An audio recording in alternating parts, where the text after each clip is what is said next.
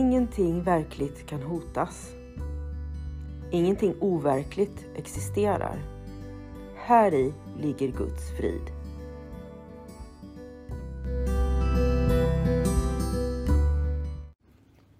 Mitt namn är Magdalena Wiklund och den här podden handlar om hur jag fann frid.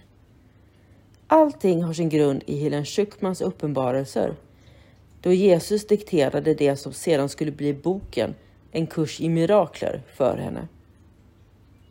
Jag kommer att referera både till kursen och till Bibeln eftersom Helen fick så mycket förklarat för sig av Jesus om hur vi egentligen bör tolka Bibeln.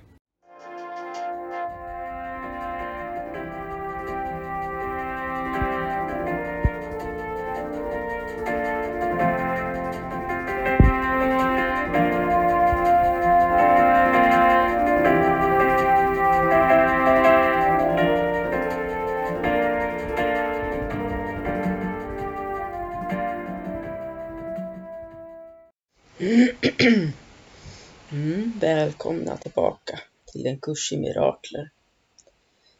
Vi ska titta på lektion nummer fyra idag.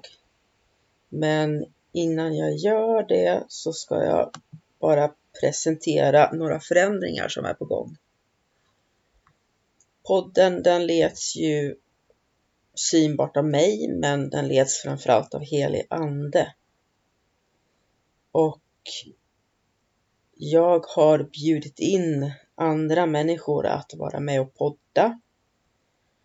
Vilket är på gång. Det kan bli så att det är någon mer än jag som poddar om ämnet.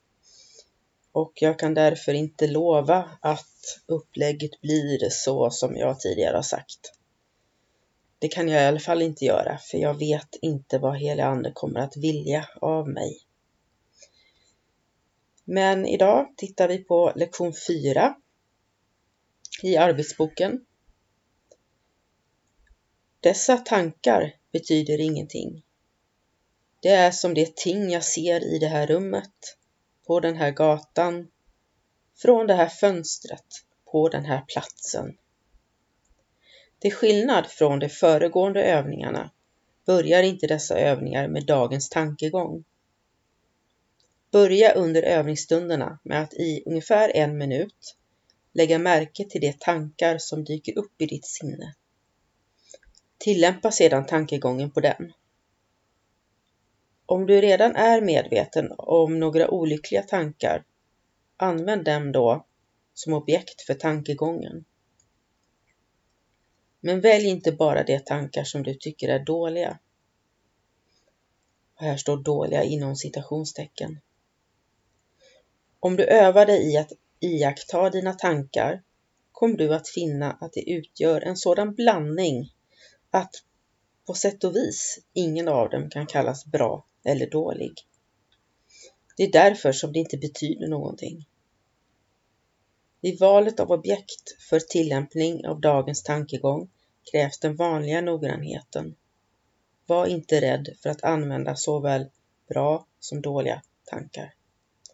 Ingen av dem representerar dina verkliga tankar som döljs av dem. De bra tankarna är bara skuggor av det som ligger bortom och skuggor gör det svårt att se. De dåliga tankarna skymmer seendet och gör det omöjligt att se. Du vill inte ha någon av dem. Detta är en mycket viktig övning och den kommer att upprepas då och då i en något annorlunda form. Avsikten är här att öva dig i de första stegen mot målet, att kunna skilja det meningslösa från det meningsfulla. Det är ett första försök i det långsiktiga syftet att lära dig se det meningslösa som utanför dig och det meningsfulla som inom dig. Det är också början till att öva ditt sinne i att förstå vad som är detsamma och vad som är olikt. När du använder dina tankar som mål för dagens tankegång, identifiera då varje tanke genom den viktigaste personen eller händelsen som den innehåller. Till exempel, den här tanken om hm, hm, hm betyder ingenting. Den är som de saker jag ser i det här rummet. på den här gatan och så vidare. Du kan också använda tankegången på en bestämd tanke som du finner skadlig. Detta är en nyttig övning, men den ersätter inte de mer slumpartade tillvägagångssätten som bör följas i övningarna. Men sök inte i ditt sinne i mer än ungefär en minut. Du är ännu alltför oerfaren för att kunna undvika en benägenhet att sysselsätta dig med meningslösheter. Eftersom de här övningarna är de första i sitt slag kanske du finner det speciellt svårt att vänta med att döma i samband med tankegångarna. Upprepa inte dessa övningar mer än tre eller fyra gånger under dagen. Vi återkommer till dem senare. Tack!